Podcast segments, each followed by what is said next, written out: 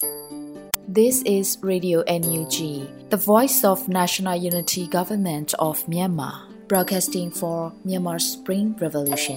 Radio NUG is transmitting from shortwave 16 meter 17.79 MHz at 8:30 a.m. and 25 meter 11.94 MHz at 8:30 p.m. Myanmar Standard Time. မြို့သားညီညွတ်ရေးအစိုးရရဲ့အတန်နှုန်းဌာန Radio NUG ကိုမနက်ပိုင်း၈နာရီခွဲမှာလိုင်းတူ16မီတာ19.89 MHz ညပိုင်း၈နာရီခွဲမှာလိုင်းတူ25မီတာ17.6 MHz တို့မှာဓာတ်ရိုက်ဖမ်းယူနိုင်စေနိုင်ပါရှင်။မင်္ဂလာအပေါင်းနဲ့ပြည့်စုံကြပါစေ။အခုချိန်ကစပြီး Radio NUG အစီအစဉ်လေးကိုဓာတ်ရိုက်အတန်လွှင့်ပေးနေပါပြီရှင်။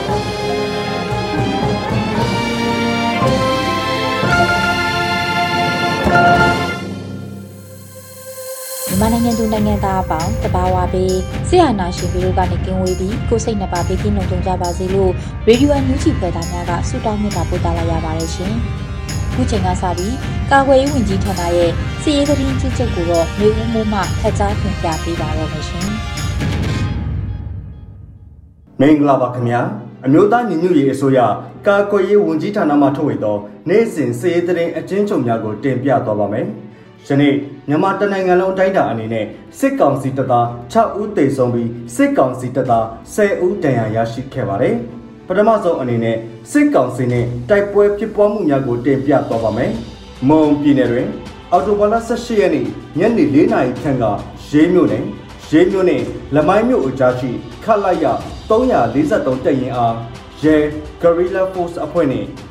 YPDF North အဖွဲ့တို့ပူးပေါင်း၍ပြစ်ခတ်တိုက်ခိုက်ခဲ့ပါတယ်။ အော်တိုဘာလ18ရက်နေ့ကဈေးပြူတောင်ရဲစခန်းပြစ်ခတ်မှုဖြစ်စဉ်အတွင်းပိတ်မိနေသည့်ရေ MSRO အဖွဲ့ဝင်များအားကူညီပေးနေသည့်အပြင်လမိုင်းမြို့အနီးရှိခတ်လက်ရ343တပ်ရင်အားပြစ်ခတ်တိုက်ခိုက်ခဲ့ခြင်းဖြစ်ကြောင်းသိရပါတယ်။ရှမ်းပြည်နယ်တွင်အော်တိုဘာလ18ရက်နေ့နေ့လယ်3နာရီခန့်ကမူဆယ်မြို့နယ်105မိုင်ကုံသွေးရေးဆောင်အနီးတွင်ခမရ 421တက်ရင်မူဒုပုံမူကြီးပြည့်ဖြိုးအောင်နဲ့၎င်း၏ကိုရေးအရာရှိကို PSDA မှပြစ်ခတ်တက်ခတ်ခတ်သဖြင့်နှစ်ဦးလုံးတေဆုံးသွားခဲ့ပါတယ်။ကရင်နီကယားပြည်နယ်တွင်အော်တိုဘာလ18ရက်နေ့မနက်6နာရီခန့်ကဓမောဆိုမြို့နယ်သေးစုလဲရွာတွင်တက်ဆွဲထားသည့်စစ်ကောင်စီတပ်မ66အင်အား90ခန့်အား KA KNDF B05 KNDF B06 KRU အလဲပိုင်းတိုင်းပူးပေါင်းတပ်များတနအီခွဲကြာတက်ခတ်ခဲ့ရာစစ်ကောင်စီတအုပ်သေဆုံးပြီးထိခိုက်ဒဏ်ရာရသူ9ဦးရှိခဲ့ပါတယ်။စကိုင်းတိုင်းတွင်အော်တိုဘာလ18ရက်နေ့ည10:00နာရီခန့်ကစကိုင်းမြို့နယ်အုံတော်ကျေးရွာနှင့်ကြော်စရာရွာကြားတွင်စကိုင်းတပ်မ33မှအင်အားပြည့်ထွက်ခွာလာသည့်စစ်ကောင်စီကားကြီးနှစ်စီးကိုစကိုင်းမြို့နယ်ပကဖ Phoenix SGG နယ်စီမချစကိုင်းသားအညာသားလေး SDG စသည့်အဖွဲ့များပူးပေါင်း၍မိုင်းအများအပြားဖြင့်မိုင်းဆွဲတက်ခတ်ခဲ့ရာစစ်ကောင်စီကားတစ်စီးပြက်စီးခဲ့ပြီးအများအပြားထိခိုက်ဒေဆုံးခဲ့ပါတယ်။အော်တိုဘာလ18ရက်နေ့ကဝက်လက်မြို့နယ်ကွင်းမကျေးရွာနှင့်တစ်ပုတ်ကန်ကျေးရွာကြားတွင်လှတော်ကျေးရွာရဲစခန်းမှထွက်လာသောစစ်ကောင်စီတပ်သားပြူစောတီ60ခန့်ကိုပြည်သူ့ကာကွယ်ရေးတပ်မတော်ရွှေဘိုခရိုင်တရင်1နှင့် ဒေသခံကာကွယ်ရေးတပ်ဖွဲ့များကမိုင်းဆွဲတိုက်ခတ်ခဲ့ရာစစ်ကောင်စီတပ်သားများထိခိုက်မှုရှိခဲ့ပြီးတရင်တစ်ရဲဘော်2ဦးဖြစ်သည့်ရဲဘော်ကပ်ပလီရဲဘော်ဖြူဖွေးတို့ကြဆုံခဲ့ပါတယ်။မန္တလေးတိုင်းတွင်အော်တိုဘလာ18ရက်နေ့နေ့လယ်12နာရီခန့်ကပသိမ်ကြီးမြို့နယ်ကြာနီကန်ကျေးရွာနယ်မတရာမြို့နယ်ထီးတော်မိုးတက်ကြားချောင်းပေါက်တရားအနီးတွင်ရွာစင်ပတ်မွေလူရဲ့ဓမြတိုက်တောင်းကျမ်းနေသောစစ်ကောင်စီများ၏ထောက်ပို့ခြင်းအား Generation Z Power GCP နှင့်ပသိမ်ကြီးမြို့နယ်ပြည်သူ့ကာကွယ်ရေးတပ်ဖွဲ့ပကဖတို့မှပူးပေါင်း၍မိုင်းဆွဲတက်ခတ်ခဲ့ရာကားတိတ်မောက်သွားခဲ့ပြီးစစ်ကောင်စီ3ဦးသေဆုံးက9ဦးပြင်းထန်စွာဒဏ်ရာရရှိခဲ့ကြောင်းသိရပါတယ်ခင်ဗျာဆက်လက်ပြီးစစ်ကောင်စီကျွလွန်သောရာဇဝတ်မှုများကိုတင်ပြသွားပါမယ်ရခိုင်ပြည်နယ်တွင်အော်တိုဘလ19ရက်နေ့မနက်7:00နာရီခန့်ကရသိတောင်မြို့နယ်ရှိစစ်ကောင်စီတပ်ရေစိုးချောင်းပြူဟာကုန်းမှလက်နက်ကြီးပစ်ခတ်မှုကြောင့် တိန်တော်ကြီးရွာရှိ73နှစ်အရွယ်မငိမ့်အေးဆန်တိတ်ဆုံးခဲ့ပြီးဦးကျော်ထွန်းဝင်းနဲ့9နှစ်အောက်ကလေးငယ်တဦးဒဏ်ရာရရှိခဲ့ကြောင်းသိရပါတယ်။စကိုင်းတိုင်းတွင်အော်တိုဘာလ19ရက်နေ့နေ့လယ်12:15မိနစ်ခန့်ကကောလင်းမြို့နယ်ကောလင်းမြို့ကမ်ဘောဇဘန်ရှိရုပ်ရှင်မရှိတွင်စစ်ကောင်စီတပ်ဖွဲ့များကစစ်ဆေးမှုပြုလုပ်နေပြီးပြည်သူ2ဦးကိုမျက်လုံးစီး၍ဖမ်းဆီးခဲ့ပြီးရဲစခန်းဘက်သို့ခေါ်ဆောင်သွားခဲ့ပါတယ်။အော်တိုဘာလ19ရက်နေ့ကဝက်လက်မြို့နယ် ရွှေပန်းကုန်းကျေးရွာစခန်းမှထွက်လာသောစစ်ကောင်စီတပ်သား20ခန့်ရွာတော်ကျေးရွာသို့ဝင်ရောက်ခဲ့ပြီးနေအိမ်များကိုမိရှို့ဖျက်ဆီးခဲ့ပါတယ်။အော်တိုဘာလ19ရက်နေ့မနက်9:45မိနစ်ခန့်ကရင်းမပင်မြို့နယ်ရင်ပေါတိုင်ကျေးရွာနဲ့ပလဲမြို့နယ်ပထိုးတာကျေးရွာများသို့မုံရွာလေးစိမ့်မှ MI35 နှစ်စီးပစ်ခတ်ခဲ့က MI17 နှစ်စီးဖြင့်စစ်ကောင်စီတပ်သားများကိုချထားခဲ့ပါတယ်။မန္တလေးတိုင်းတွင်အော်တိုဘာလ18ရက်နေ့ညပိုင်းက မတရာမြို့နယ်ကြောက်တံတားကျော်မှအပြစ်မဲ့ပြည်သူ30ဦးအားစစ်ကောင်စီများမှဖမ်းဆီးသွားခဲ့ပြီး CDM ဆီယာမတူပါဖမ်းဆီးခံခဲ့ရပါတယ်။ရန်ကုန်တိုင်းတွင်အော်တိုဘာလ18ရက်နေ့မနက်10:00နာရီခန့်ကတာကေတာမြို့နယ်9ရောက်ကမှထမင်းကြော်တဲ့အမျိုးသမီးတဦးကိုစစ်ကောင်စီများမှဖမ်းဆီးသွားခဲ့ပါတယ်ခင်ဗျာဟုတ်ကဲ့ပါအခုတင်ပြခဲ့တာကတော့အမျိုးသားညီညွတ်ရေးအစိုးရကာကွယ်ရေးဝန်ကြီးဌာနမှထုတ်ဝေသောနေ့စဉ်စည်ရေးသတင်းအကျဉ်းချုပ်များပဲဖြစ်ပါတယ်ဒီသတင်းများကိုမြေပြင်သတင်းတဝန်ခံနေတဲ့ ခိုင်လုံသောမိဘသတင်းရင်းမြစ်တွေမှာပေါ်ပြလာသောအချက်အလက်များပေါ်အခြေခံပြုစုထားခြင်းဖြစ်ပါတယ်ခင်ဗျာကျွန်တော်ຫນွေဦးမို့ပါ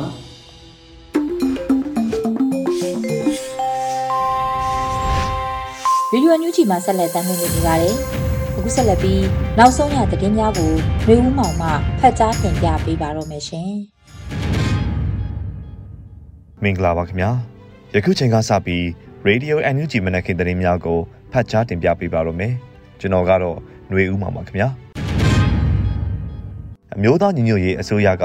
စက်တင်ဘာလအတွင်းလူသားချင်းစာနာမှုအကူအညီငွေကျပ်182တက်သမ3တစ်တန်းကိုထောက်ပံ့ပေးနိုင်ခဲ့တဲ့သတင်းပဲဖြစ်ပါတယ်။အမျိုးသားညီညွတ်ရေးအစိုးရကစက်တင်ဘာလအတွင်းလူသားချင်းစာနာမှုအကူအညီငွေကျပ်282တက်သမ3တစ်တန်းကိုထောက်ပံ့ပေးနိုင်ခဲ့ပါတယ်။ အောက်တိုဘာ19ရက်နေ့မှာအမျိုးသားညီညွတ်ရေးအစိုးရလူသားချင်းစာနာထောက်ထားရေးနဲ့ဘေးအန္တရာယ်ဆိုင်ရာစီမံခန့်ခွဲရေးဝန်ကြီးဌာနကအသိပေးဖော်ပြပါတယ်။အမျိုးသားညီညွတ်ရေးအစိုးရလူသားချင်းစာနာထောက်ထားရေးနဲ့ဘေးအန္တရာယ်ဆိုင်ရာစီမံခန့်ခွဲရေးဝန်ကြီးဌာနက2022ခုနှစ်စက်တင်ဘာလအတွင်းလူသားချင်းစာနာမှုအကူအညီငွေကျပ်282.3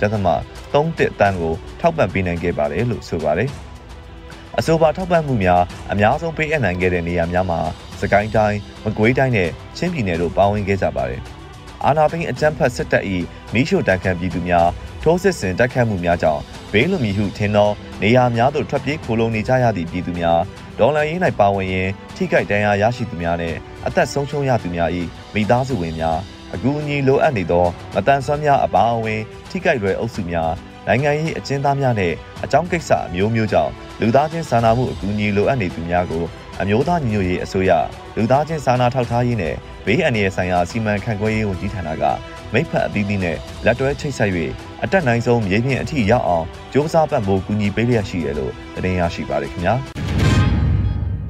ဆက်လက်ပြီးအင်းစိန်အကျဉ်းထောင်ဘုံပေါက်ခွဲမှုအရက်သားပြည်သူတွေကိုထိခိုက်သိမ်းဆုံးမှုဖြစ်စေတဲ့အတွက်ရှုံချတယ်လို့လူခွင့်ရေးရာဝန်ကြီးကဆိုခဲ့တဲ့သတင်းကိုတင်ဆက်ပေးပါမယ်။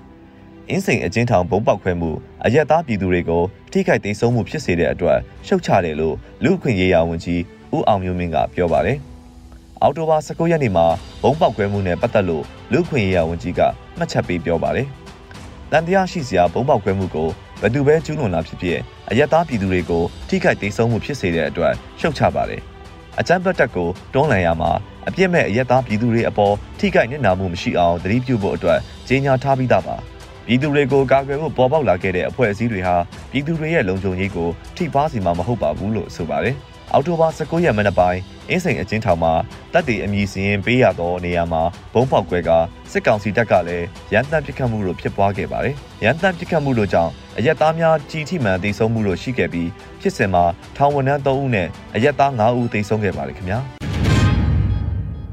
ဆက်လက်ပြီးမြန်မာနိုင်ငံတွင်ဖြစ်ပေါ်လျက်ရှိသောအတင်းအကျပ်ပျောက်ကွယ်စေမှုအခြေအနေသည်တနေ့ထက်တနေ့ကြောက်မက်ဖွယ်ကောင်းအောင်ဆိုးရွားလာနေတယ်လို့တန်အမတ်ကြီးဦးချုံမိုးထွန်းကပြောကြားခဲ့တဲ့သတင်းပဲဖြစ်ပါတယ်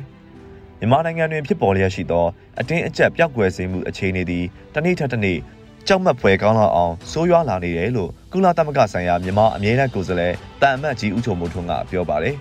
အောက်တိုဘာ18ရက်89ကြိမ်မြောက်ကုလသမဂ္ဂအထွေထွေညီလာခံ၏တတိယကော်မတီတွင်အတင်းအကျပ်ပျောက်ကွယ်စေမှုဆိုင်ရာလုပ်ငန်းအဖွဲ့ဥက္ကဋ္ဌနှင့်အပြန်အလှန်ဆွေးနွေးမှုအစီအစဉ်မှာပြောပါရယ်အတင်းအကျပ်ပျောက်ကွယ်စေခြင်းဆိုင်ရာလုပ်ငန်းအဖွဲ့ဥက္ကဋ္ဌအား၎င်း၏အစီရင်ခံစာနှင့်မိန့်ခွန်းတို့အတွက်ကျေးဇူးတင်ရှိပါကြောင်း၎င်း၏အစည်းအဝေးခန်းစာတွင်ထည့်သွင်းဖော်ပြထားသည့်အတိုင်းမြန်မာနိုင်ငံတွင်ဖြစ်ပေါ်လျက်ရှိသောအတင်းအကျပ်ပျောက်ကွယ်စေမှုအခြေအနေသည်တစ်နေ့ထက်တစ်နေ့ကြောက်မက်ဖွယ်ကောင်းအောင်ဆိုးရွားလာလျက်ရှိကြောင်းအထူးသဖြင့်စစ်တပ်တွင် ခိုင်ခိုင်မြဲမြဲအမြင့်တွယ်နေသောဒဏ်ခတ်ခြင်းမခံရသည့်အစဉ်အလာက၎င်းတို့အားအဆိုပါပြစ်မှုများကိုဆက်လက်ကျူးလွန်နေစေရန်အားပေးအားမြောက်ပြုနေကြောင်းဆိုခဲ့ပါရခင်ဗျာမြန်မာနိုင်ငံတွင်လုံခဲ့သောလပေါင်း20အတွင်း၌အတင်းအကျပ်ပြောက်ကွယ်စေမှုဖြစ်စဉ်အများအများရှိခဲ့ကြောင်းစစ်တပ်မှပြည်သူများကိုဥပဒေမဲ့စွာဖမ်းဆီးပြီးလျင်ရင်းပြည်သူများရည်သည့်နေရာများသို့ရောက်ရှိနေသည်ကိုပင်မသိရတော့ကြောင်းတန်အမတ်ကြီးဦးချုံမွန်းထွန်းကထပ်လောင်းပြောကြားခဲ့ပါတယ်ခင်ဗျာ ဆက်လက်ပြီးမြေပြင်နဲ့ပြည်သူဝန်ဆောင်မှုလုပ်ငန်းများတရားဥပဒေစိုးမိုးရေးလုပ်ငန်းများဆောင်ရွက်ရာတွင်လင်ဟင်းမှုမရှိစေရေးစဉ်းစားဆုံးဖြတ်ဆောင်ရွက်ရန်ပြည်ထရေးဒုဝန်ကြီးကအဆိုခဲ့တဲ့သတင်းပဲဖြစ်ပါတယ်။မြေပြင်နဲ့ပြည်သူဝန်ဆောင်မှုလုပ်ငန်းများတရားဥပဒေစိုးမိုးရေးလုပ်ငန်းများဆောင်ရွက်ရာတွင်လင်းဟင်းမှုမရှိစေရေးစဉ်းစားဆုံးဖြတ်ဆောင်ရွက်ရန်ပြည်ထရေးဒုဝန်ကြီးခုထဲမှုကဆိုပါတယ်။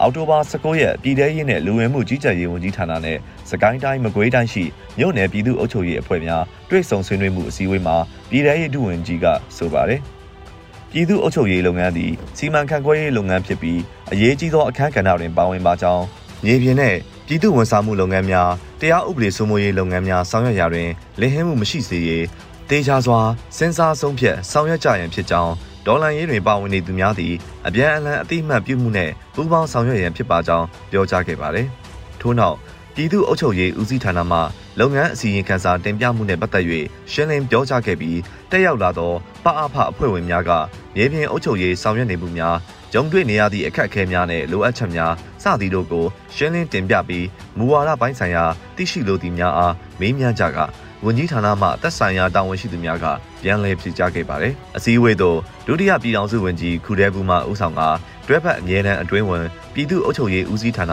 ပြည်သူ့ရဲတပ်ဖွဲ့မိသက်ဦးစီးဌာနလူဝင်မှုကြီးကြပ်ရေးဦးစီးဌာနအထူးစုံစမ်းစစ်ဆေးရေးဦးစီးဌာနနဲ့စကိုင်းတိုင်းမကွေးတိုင်းမှပြည်သူ့အုပ်ချုပ်ရေးအဖွဲ့ဝင်များမှတက်ရောက်ခဲ့ကြပါတယ်ခင်ဗျာဆက်လက်ပြီး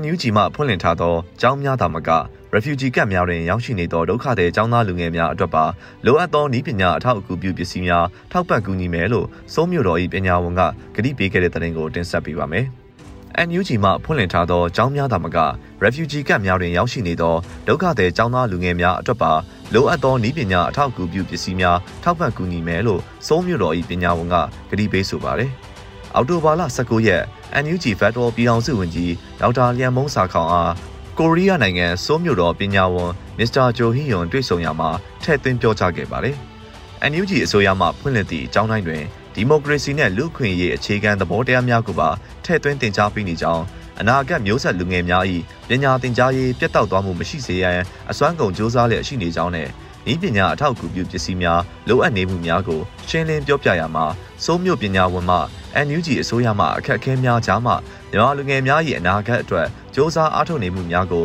ကြားသိရ၍ပညာရေးကိုအထူးအားပေးသောအမိတို့အနေဖြင့်ဝမ်းသာမိကြောင်း NUG မှဖွင့်လှစ်ထားသောကျောင်းများသာမက refugee ကန့်များတွင်ရောက်ရှိနေသောဒုက္ခသည်ကျောင်းသားလူငယ်များအတွက်ပါလိုအပ်သောနည်းပညာအထောက်အကူပြုပစ္စည်းများထောက်ပံ့ကူညီနိုင်ရေးအတွက် အမြန်ဆုံးနည်းပညာများရှာဖွေသွားမည်ဖြစ်သလိုအွန်လိုင်းပညာရေးစနစ်တိုးတက်ဖွံ့ဖြိုးရေးအတွက်လည်းဗတ်ပေါင်းစုံမှကူညီသွားမည်ဖြစ်ကြောင်းဆိုခဲ့ပါတယ်။အထက်ပါကိစ္စရပ်များအကောင့်တဲပေါ်ဆောင်ရွက်နိုင်ရန်အတွက်ကိုရီးယားပညာရေးအဖွဲ့အစည်းများမြန်မာနိုင်ငံရေးစိတ်ဝင်စားကြသည့်ကိုရီးယားအစိုးရပိုင်းမှတာဝန်ရှိသူများ NUG အစိုးရအဖွဲ့မှပညာရေးတာဝန်ခံများကိုနောက်ဘော်တရန်ချိတ်ဆက်ပြီးကိုရီးယား NUG ကိုယ်စားလှယ်ရုံးမှတဆင့်ဆက်လက်အကောင့်ထဲပေါ်ဆောင်ရွက်သွားကြရန်သဘောတူညှိနှိုင်းမှုများကိုရရှိခဲ့ကြပါတယ်ခင်ဗျာ ဆက်လက်ပြီးပြည်ထောင်စုလွှတ်တော်ကိုစားပြုကော်မတီပြည်သူ့ရေးရာကော်မတီနဲ့နိုင်ငံရေးအကျဉ်းသားများကူညီဆောင်ရှောက်ရေးအသင်း AAPP တို့တွေ့ဆုံဆွေးနွေးခဲ့တဲ့တဲ့တင်ကိုတင်ဆက်ပေးပါမယ်။ပြည်ထောင်စုလွှတ်တော်ကိုစားပြုကော်မတီပြည်သူ့ရေးရာကော်မတီနဲ့နိုင်ငံရေးအကျဉ်းသားများကူညီဆောက်ရှောက်ရေးအသင်း AAPP တို့တွေ့ဆုံဆွေးနွေးခဲ့ပါတယ်။အောက်တိုဘာလ18ရက်နေ့ပြည်သူ့ရေးရာကော်မတီဟာနိုင်ငံရေးအကျဉ်းသားများကူညီဆောက်ရှောက်ရေးအသင်း AAPP နဲ့တွေ့ဆုံ၍အကြမ်းဖက်စစ်တပ်ကဥပဒေမဲ့ဖမ်းဆီးထိန်းသိမ်းထားသောနိုင်ငံရေးအကျဉ်းသားများအား ကူညီဆောက်ရှောက်နေမှုအခြေအနေများကိုသိရှိနိုင်ရန်ဗီဒီယိုကွန်ဖရင့်မှတဆင့်ဆွေးနွေးခဲ့ကြပါတယ်။တွေ့ဆုံပွဲမှာပြည်သူ့ရေးရာကော်မတီဥက္ကဋ္ဌဒေါက်တာခင်စိုးစိုးကြည်ကကော်မတီအနေဖြင့်လူအခွင့်အရေးစိုးဝါးစွာချိုးဖောက်ခံနေရပြီးဥပဒေမဲ့ဖမ်းဆီးခံထားရသည့်လွှတ်တော်ကိုယ်စားလှယ်များအပါအဝင်နိုင်ငံရေးတက်ကြွလှုပ်ရှားသူများပြည်သူများចောင်းသားចောင်းသူများစီဒီအန်ပြည်သူဝန်ထမ်းများနဲ့၎င်းတို့၏မိသားစုဝင်များအားတရောင်တနေရာမှပါဝင်၍ရုပ်ပိုင်းဆိုင်ရာသာမကစိတ်ပိုင်းဆိုင်ရာပါကူညီထောက်ပံ့နိုင်ရေးအတွက် AAPP နဲ့အတူလက်တွဲပူးပေါင်းဆောင်ရွက်ရန်ရည်ရွယ်၍တွေ့ဆုံရခြင်းဖြစ်ကြောင်းအဖွင့်အမှာစကားပြောကြားခဲ့ပါတယ်။ AAPP အနေဖြင့်လည်းအသင်း၏လုပ်ငန်းဆောင်ရွက်ချက်များနဲ့ဆက်လင်း၍မြန်မာနိုင်ငံရေးအကျဉ်းသားများလူအခွင့်အရေးချိုးဖောက်ခံရမှုများအတွက်မှတ်တမ်းနဲ့အချက်အလက်ပြုစုထားရှိမှုများဥပဒေအထောက်အကူပြုဆိုင်ရာကိစ္စရပ်များနိုင်ငံရေးအကျဉ်းသားများအားထောက်ပံ့မှုဂုဏ်ညီနေမှုအခြေအနေများကိုဆွေးနွေးတင်ပြခဲ့ကြပါတယ်။ထို့နောက် တက်ရောက်လာကြသည့်ကော်မတီဝင်များကလက်ရှိနိုင်ငံရေးအခြေအနေများနဲ့ဆက်လင်း၍ AAPP ၏ရှင်းလင်းတင်ပြချက်များအပေါ်ချိတ်ဆက်လှုပ်ဆောင်နိုင်မည့်လုပ်ငန်းများအားဆွေးနွေးမေးမြန်းခဲ့ကြပါတယ်။တွဲဆုံဆွေးနွေးပွဲသို့ပြည်သူ့ရေးရာကော်မတီဥက္ကဋ္ဌဒေါက်တာခင်စိုးစိုးကြည်အတွင်းရေးမှူးဒေါ်အီအီပြုံးကော်မတီဝင်များနဲ့နိုင်ငံရေးအကျဉ်းသားများကုညီဆောက်ရှောက်ရေးအသင်း AAPP မှတာဝန်ရှိသူများတက်ရောက်ခဲ့ကြပါတယ်ခင်ဗျာဆက်လက်ပြီး NUG ပေးနဲ့ပြည်သူများရဲ့ For One People လှုပ်ရှားမှုတက်တက်ရလအစီအစဉ်အဖြစ်စစ်ပေးဆောင်ပြည်သူများအတွက်မွေစိတ်ဖြည့်စေအလှူဒန်းမှုစတင်မယ်ဆိုတဲ့အကြောင်းကိုတင်ဆက်ပေးပါမယ်။ NUG ပေးနဲ့ပြည်သူများရဲ့ For Our People လှုပ်ရှားမှုတတိယလအစီအစဉ်အဖြစ်စစ်ပေးဆောင်ပြည်သူများအတွက်မွေစိတ်ဖြည့်စေလှူဒန်းမှုစတင်မယ်လို့တင်ရရှိပါတယ်။အော်တိုဘာလ19ရက်နေ့မှာ NUG ပေးကအသိပေးဆိုပါတယ်။စကိုင်းဒေသ၌မင်းအွန်လိုင်းဦးစီးသောအကြမ်းဖက်သမားများကြောင့်ပြည်သူများစစ်ပေးဆောင်နေရပြီးဝေပွေးအနေနဲ့လည်းတွေ့ကြုံနေရပါတယ်။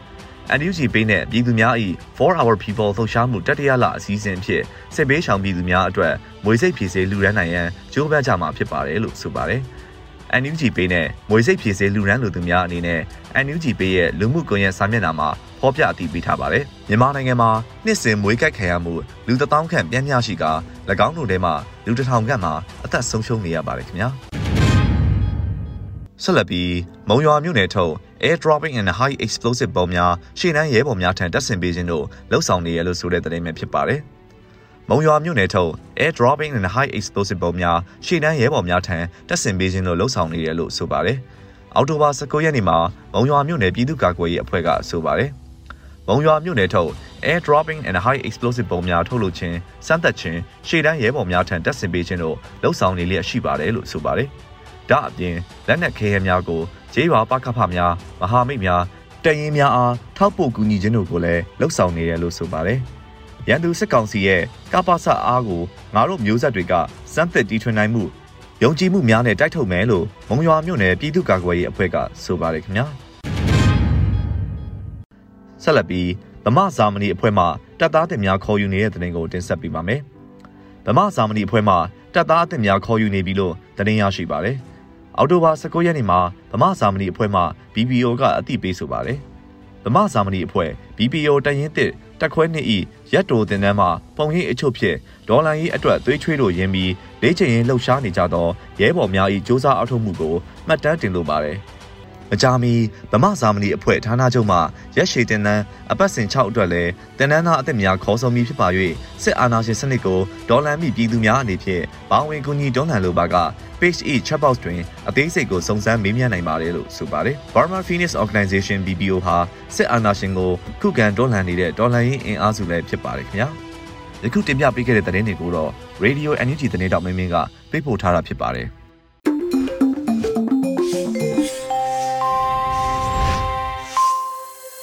ရေဒီယိုအန်ယူဂျီရဲ့မနက်ခင်းစီစဉ်တွေကိုဆက်လက်တင်ပြနေပါတယ်။ဒီနေ့ရဲ့ဒေါ်လှန်ရေးတိဂီတာစီစဉ်မှာတော့တားနက်ရှင်အောင်ရေးသားပြီးရဲဘော်မောင်ဝေတီးဆိုထားတဲ့တမိုင်းသေးလို့အမည်ရတဲ့ဒေါ်လှန်ရေးတိဂီတာကိုနားဆင်ကြရတော့မှာဖြစ်ပါတယ်ရှင်။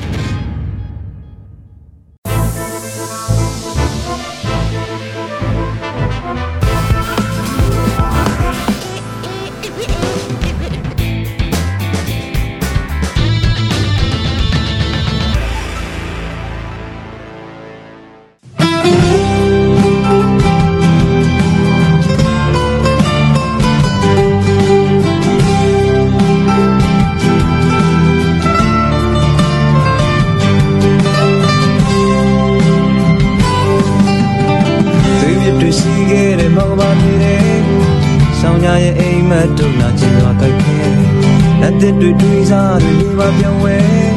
အစိုးကရမိုက်ဇက်တွေဒီငါနေကုန်ချုပ်စီမေ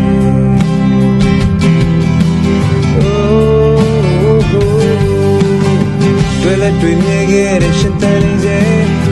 သွားတော့မခီးဆုံးဟာနိုင်ငံတစ်ပဲဆက်ရမယ့်သွေးကြွေးတွေကဘာမကြည့်တဲ့ပွဲ မင်းပြမဲ့တဲ့ဆက်စနိုင်ငံတော်သေးဖြစ်စေမယ်တော်လည်းရဲ့စီခြင်းများတယ်တွေ့ဝေရဲ့ကုခဆေနိုင်ကိုနိုင်မဲ့ပွဲအာနာရှိတွေကုန်ပြူလေ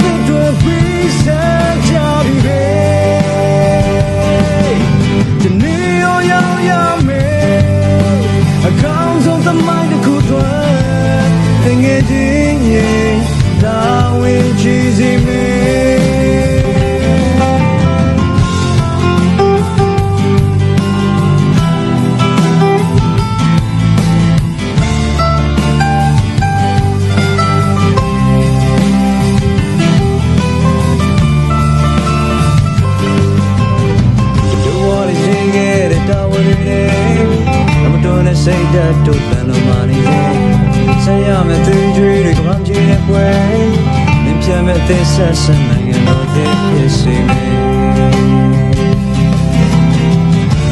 Do na ye si chen ya de. တွေ့ဝေရဲ့ခုခစေ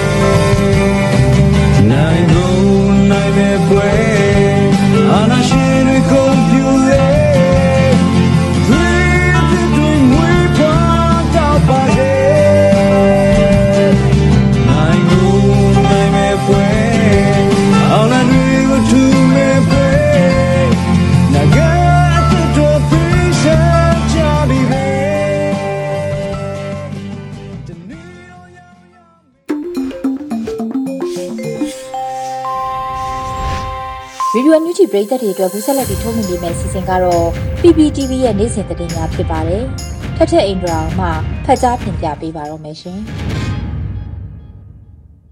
ပထမဆုံးတင်ဆက်ပေးမှာကတော့ CRPH နဲ့ပညာရေးဝန်ကြီးဌာနတို့ကြားတွေ့ဆုံဆွေးနွေးမှုတွေပြုလုပ်ခဲ့တဲ့ဆိုတဲ့သတင်းမှာ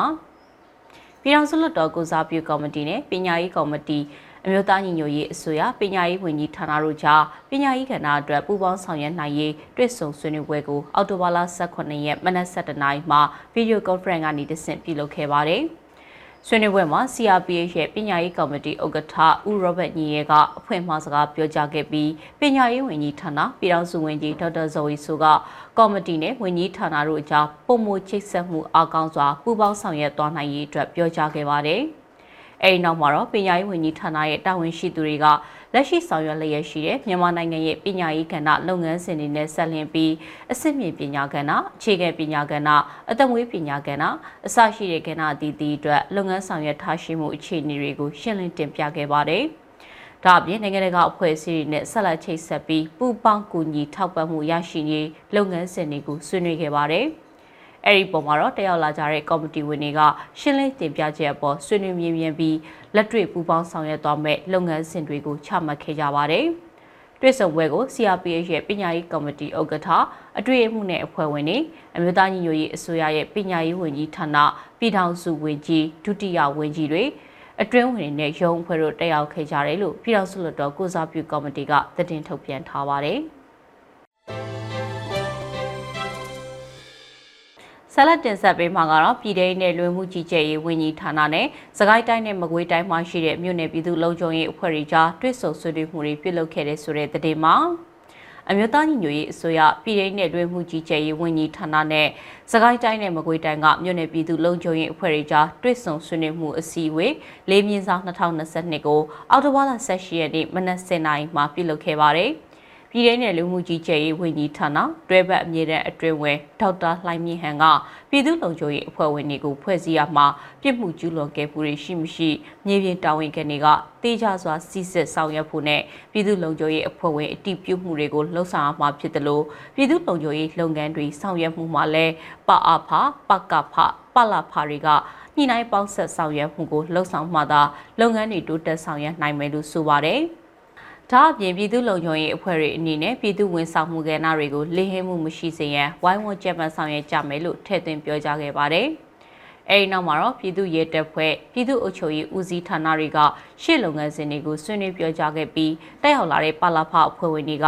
မြေပြင်အုပ်ချုပ်ရေးဆောင်ရွက်နေမှုတွေကြုံတွေ့နေရတဲ့အခက်အခဲတွေကိုပြောဆိုခဲ့ကြပြီးတော့ဝင်ကြီးကပြန်လည်ဖြေကြားပေးခဲ့ပါတယ်။ ဆက်လက်တင်ဆက်ပေးမှာကတော့နိုင်ငံတကာနဲ့ Federal Democracy ရေးရာဆွေးနွေးပွဲကိုတက်ရောက်ဖို့အထူးဖိတ်ကြားချက်နဲ့တောင်ကိုရီးယားနိုင်ငံကိုပြည်ထောင်စုရေးရာဝန်ကြီးဒေါက်တာလျှက်မုံစာကောင်းတွားရောက်တဲ့ဆိုတဲ့သတင်းမှာ တောင်ကိုရီးယားသမ္မတနိုင်ငံရဲ့ Asia Center Seoul National University မှာအောက်တိုဘာလ22ရက်မှာကျင်းပမဲ့နိုင်ငံတကာနဲ့မြန်မာဖက်ဒရယ်ဒီမိုကရေစီရာဆွေးနွေးပွဲကိုတက်ရောက်ဖို့အထူးဖိတ်ကြားခံရသူအမျိုးသားညီညွတ်ရေးအစိုးရဖက်ဒရယ်ပြည်ထောင်စုရာဝန်ကြီးဌာနပြည်ထောင်စုဝန်ကြီးဒေါက်တာလျှက်မုံစာကောင်ကအောက်တိုဘာလ18ရက်မှာကိုရီးယားသမ္မတနိုင်ငံကိုတွားရောက်ခဲ့ပါတယ်။ ကိုရီးယားနိုင်ငံအင်ချွန်ပြည်ပြည်ဆိုင်ရာလေဆိပ်သို့ရောက်ရှိနေတဲ့ပြည်ထောင်စုဝန်ကြီးဒေါက်တာလျှက်မုံစာကောင်ကိုအမျိုးသားညီညွတ်ရေးအစိုးရရဲ့ကိုရီးယားသမ္မတနိုင်ငံဆိုင်ရာကိုယ်စားလှယ်ဦးရနိုင်ထွန်းတဲ့အဖွဲ့ကခရီးဦးကြိုဆိုခဲ့ကြပြီးကိုရီးယားနိုင်ငံမှာရှိတဲ့မြန်မာနိုင်ငံသားတွေနဲ့အတူချင်းတိုင်းရင်းသားများအဖွဲ့ကလည်းလှိုက်လဲပြူငါစွာဖြင့်ကြိုဆိုနှုတ်ဆက်ကြပါတယ်။ပြည်ထောင်စုဝန်ကြီးဒေါက်တာလျှက်မုံစာကောင်ဟာတောင်ကိုရီးယားနိုင်ငံမှာရက်သက်တပတ်တပတ်အကြာနေထိုင်ပြီးတော့ ကိုရီးယားသမ္မတနိုင်ငံအစိုးရအာဏာပိုင်အဖွဲ့အစည်းတွေကိုရီးယားအစိုးရမဟုတ်တဲ့လူမှုအဖွဲ့အစည်းတွေကိုရီးယားနိုင်ငံရောက်ချင်းတိုင်းရင်းသားတွေနဲ့အတူမြန်မာနိုင်ငံသားမိသားစုတွေနဲ့လည်းတွေ့ဆုံသွားမှာဖြစ်ပါတယ်။ပြည်ထောင်စုဝန်ကြီးဒေါက်တာလျက်မုံစာကောင်းဟာအမျိုးသားညီညွတ်ရေးအစိုးရရဲ့ကိုရီးယားသမ္မတနိုင်ငံသို့ပထမအဆုံးသွားရောက်တဲ့ပြည်ထောင်စုဝန်ကြီးလည်းဖြစ်လာပါတယ်။ အခုတခါတင်ဆက်ပေးမှာကတော့အကြမ်းဖက်စစ်ကောင်စီကအသေးစားနျူကလ িয়ার ဓာတ်အားပေးစက်ရုံတိစောက်ဖို့လှုံ့ဆော်နေတယ်လို့တမတ်ကြီးဦးကျော်မထွန်းပြောကြားလိုက်တဲ့သတင်းမှာအကြမ်းဖက်စစ်ကောင်စီကလာမယ့်နှစ်နှဲငယ်တွင်မှာအသေးစားနျူကလ িয়ার ဓာတ်အားပေးစက်ရုံတိစောက်ဖို့ရုရှားကုမ္ပဏီနဲ့စာချုပ်ချုပ်ဆိုထားတယ်လို့ကုလအစည်းအဝေးမှာကုလဆိုင်ရာမြန်မာအမြဲတမ်းကိုယ်စားလှယ်တမတ်ကြီးဦးကျော်မထွန်းကပြောကြားလိုက်တာပါ။ 89ကြိမ်မြောက်ကုလအထွေထွေညီလာခံပထမကော်မတီဘာသာရေးဆိုင်ရာဆွေးနွေးမှုအစည်းအဝေးကိုအောက်တိုဘာလ18ရက်မှာပြုလုပ်ခဲ့ရာတပ်အမတ်ကြီးကအခုလိုမျိုးပြောကြားလိုက်တာပါတပ်အမတ်ကြီးဦးကျော်မှုထွန်းက နိုင်ငံအတွင်းဆိုးရွားတဲ့စီးပွားရေးအခြေအနေနဲ့အသိပညာအတတ်ပညာရှင်တွေနိုင်ငံပြင်ပသို့အစုအပြုံလိုက်ထွက်ခွာနေမှုကိုလစ်လီရှုလျက်မြန်မာစစ်တပ်ကနောက်နှစ်အနည်းငယ်အတွင်းမှာအသေးစားနျူကလ িয়ার ဓာတ်အားပေးစက်ရုံတည်ဆောက်ဖို့ရုရှားဖက်ဒရေးရှင်းနိုင်ငံမှာကုမ္ပဏီတစ်ခုနဲ့မကြသေးခင်ကစာချုပ်ချုပ်ဆိုထားတယ်ဆိုတာနဲ့အဲ့ဒီအတွက်နိုင်ငံတကာအတိုင်းအဝန်အနေနဲ့မြန်မာစစ်တပ်ကိုမျက်ခြေမပြတ်စောင့်ကြည့်ကြဖို့ပြောကြားလိုက်တာပါ။ ဒါအပြင်မြန်မာနိုင်ငံရဲ့ရွေးကောက်ခံပြည်သူအစိုးရကနျူကလ িয়ার လက်နက်ဖျက်သိမ်းရေးနဲ့အလုံးစုံဖျက်သိမ်းရေးကိုအဓိကအရေးပါတဲ့ဦးစားပေးလုပ်ငန်းစဉ်ဖြစ်သတ်မှတ်ဆောင်ရွက်ခဲ့ပေမဲ့လည်း2021ခုနှစ်မှာဖြစ်ပေါ်ခဲ့တဲ့တရားမဝင်အာဏာသိမ်းမှုကရွေးကောက်ခံပြည်သူအစိုးရရဲ့နျူကလ িয়ার လက်နက်ဖျက်သိမ်းမှုဆိုင်ရာဆောင်ရွက်ချက်တွေအပေါ်များစွာထိခိုက်ခဲ့ရတယ်လို့ထည့်သွင်းပြောကြားခဲ့ပါတယ်။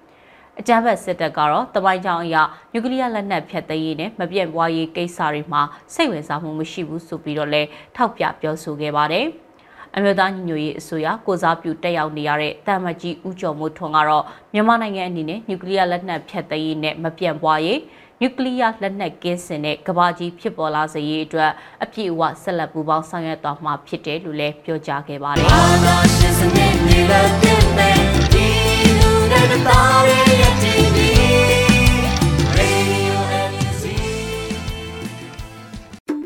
ဒီလူတွေသားရဲ့ဒီကနေ့ကတော့ဒီညနဲ့ပဲ Radio NUG ရဲ့အစီအစဉ်လေးကိုခਿੱတရနာလိုက်ပါမယ်ရှင်။မြမစံတော်ချိန်မနက်၈နာရီခွဲနဲ့ည၈နာရီခွဲအချိန်တွေမှာပြန်လည်ဆုံတွေ့ကြပါစို့။ Radio NUG ကိုမနက်ပိုင်း၈နာရီခွဲမှာလိုင်းတူ16မီတာ19.8 MHz ညပိုင်း၈နာရီခွဲမှာလိုင်းတူ25မီတာ17.6 MHz တို့မှာဓာတ်ရိုက်ဖမ်းလို့နိုင်စေနိုင်ပါပြီ။ မြန်မာနိုင်ငံသူနိုင်ငံသားတွေကိုစိတ်နှပြကျန်းမာချမ်းသာလို့ဘေးကင်းလုံခြုံကြပါစေလို့ Radio NUG အဖွဲ့သူဖွဲ့သားတွေကဆုတောင်းမြတ်တာပို့တာလိုက်ရပါတယ်ရှင်။အမျိုးသားညီညွတ်ရေးအစိုးရရဲ့စက်သွေးရေးသတင်းအချက်အလက်နဲ့လူပညာဝန်ကြီးဌာနကထုတ်လွှင့်နေတဲ့ Radio NUG ဖြစ်ပါတယ်။ San Francisco Bay Area အခြေစိုက်မြန်မာမိသားစုတွေနဲ့နိုင်ငံတကာကစေတနာရှင်လို့အားပေးနေတဲ့ Radio NUG ဖြစ်ပါတယ်။အရေးတော်ပုံအောင်ရမည်